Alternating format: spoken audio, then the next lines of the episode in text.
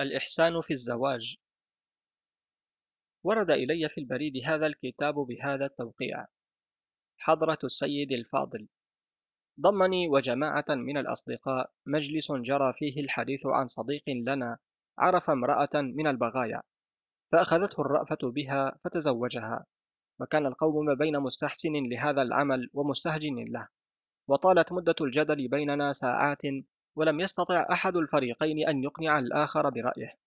فاتفق رأينا جميعا على أن نكتب إليك بذلك علك تلقي على هذا الموضوع نظرة من نظراتك الصادقة والسلام. فسين.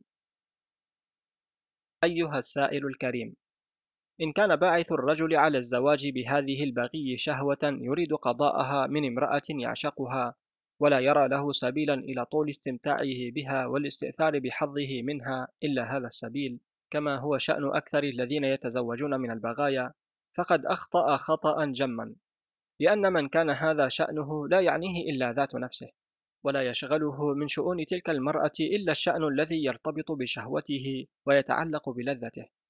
وآية ذلك أنه لا ينظر بعد اتصاله بها في إصلاح قلبها.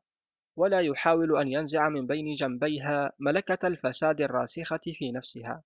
ملكة الفساد الراسخة في نفسها. ولا يداخلها مداخلة المؤدب المهذب الذي يصور في نظرها معيشة الفساد بصورة تنفر منها وتشمئز لها.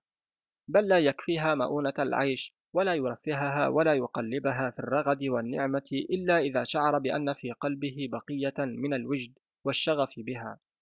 فإذا أقفر قلبه من حبها وعلم أن فراقها لا يهيج له وجدا ورجوعها إلى عيشها السالف لا يثير منه غيرة فارقها فراقا هادئا مطمئنا لا يمازجه حزن على فسادها ولا يخالطه أسف على سقوطها.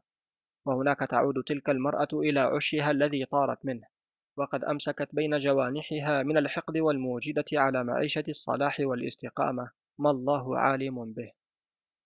فالرجل الذي يتزوج من البغي قضاء لشهوته وإيثارا للذته لا ينفعها ولا يحسن إليها لأنه لا يهذب نفسها ولا يفي لها بما عاهدها عليه من البقاء معها والاستمرار على عشرتها بل يسيء إليها بسوء تصرفه معها فيبغض إليها الصلاح ويحبب إليها الفساد.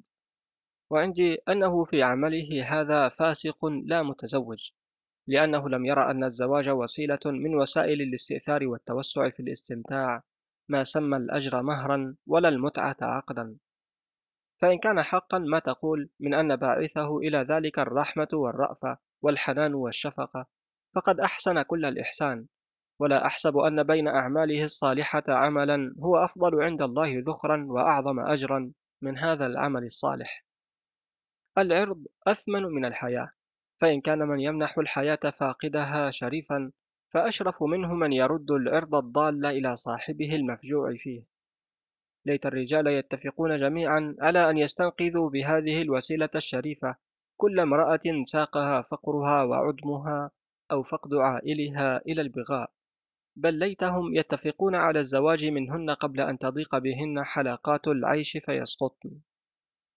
لم لا يكون بابا من أبواب الإحسان أن يتفقد المحسنون من الرجال الفقيرات من النساء فيتزوجوا منهن أو يزوجوهن من أولادهم وأقربائهم وإن لم يكن من ذوات الجمال أو ذوات النسب لأنه إحسان والإحسان لا يجمل إلا إذا أصاب موضعه من الشدة. لو عرف المحسنون معنى الإحسان لعرفوا أن إنفاق الأموال على بناء التكايا والزوايا وتوزيعه على المتسولين والمتكففين ووقفه على القارئين والذاكرين. لا يدخر لهم من المثوبة والأجر عند الله ما يدخره لهم الإحسان إلى النساء بالعصمة من البغاء.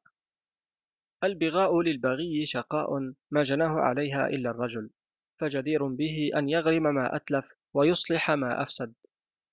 يهجم الرجل على المرأة ويعد لمهاجمتها ما شاء الله أن يعده من وعد كاذب وقول خالب وسحر جاذب حتى إذا خدعها عن نفسها وغلبها على أمرها وسلبها أثمن ما تملك يدها نفض يده منها وفارقها فراقا لا لقاء بينهما من بعده. هنالك تجلس في كسر بيتها جلسة الكئيب الحزين مسبلة دمعها على خدها مسندة رأسها بكفها تفلي أناملها التراب لا تدري أين تذهب ولا ماذا تصنع. ولا كيف تعيش؟ تطلب العيش عن طريق الزواج فلا تجد من يتزوجها لأن الرجل يسميها ساقطة وتطلبه من طريق العمل فلا تجد ما تحسنه منه لأن الرجل أهمل شأنها فلم يعلمها من العلم ما تستعين به على ضائقة العيش وتطلبه من طريق التسول فلا تجده لأن الرجل يؤثر أن يمنحها القنطار حراما على أن يمنحها الدرهم حلالا. فلا تجد لها بدا من أن تطلبه من طريق البغاء. فها أنت ذا ترى أن شقاء المرأة الساقطة رواية من الروايات المحزنة وأن الرجل هو الذي يمثل جميع أدوارها ويظهر في كل فصل من فصولها. ومهما حال بيننا وبينه من ذلك الستار المسبل فإننا لا نزال نعتقد أن الرجل غريم المرأة وأن حقا عليه أن يؤدي دينه ويغرم أرش جنايته. إن أبى الرجل أن يتزوج المرأة باغيا فليحل بينها وبين البغاء ولا سبيل له إلى ذلك إلا إذا اعتبر الزواج بابا من أبواب الإحسان أي إنه يتزوجها لها أكثر مما يتزوجها لنفسه. وأحق النساء بالإحسان أولئك اللواتي لم يرزقهن الله الجمال والمال والحسب والنسب. فإن أبى إلا أن يتزوج المرأة السعيدة فليعلم أنه هو الذي أخذ الشقية من يدها وساقها بنفسه إلى قرارة الشقاء ورماها بيده في هوة الفسق والبغاء. من كتاب النظرات لمصطفى لطفي المنفلوطي قراءة عبد البارئ الطشاني. شاهد أيضا أحد هذه الفيديوهات الظاهرة أمامك على الشاشة.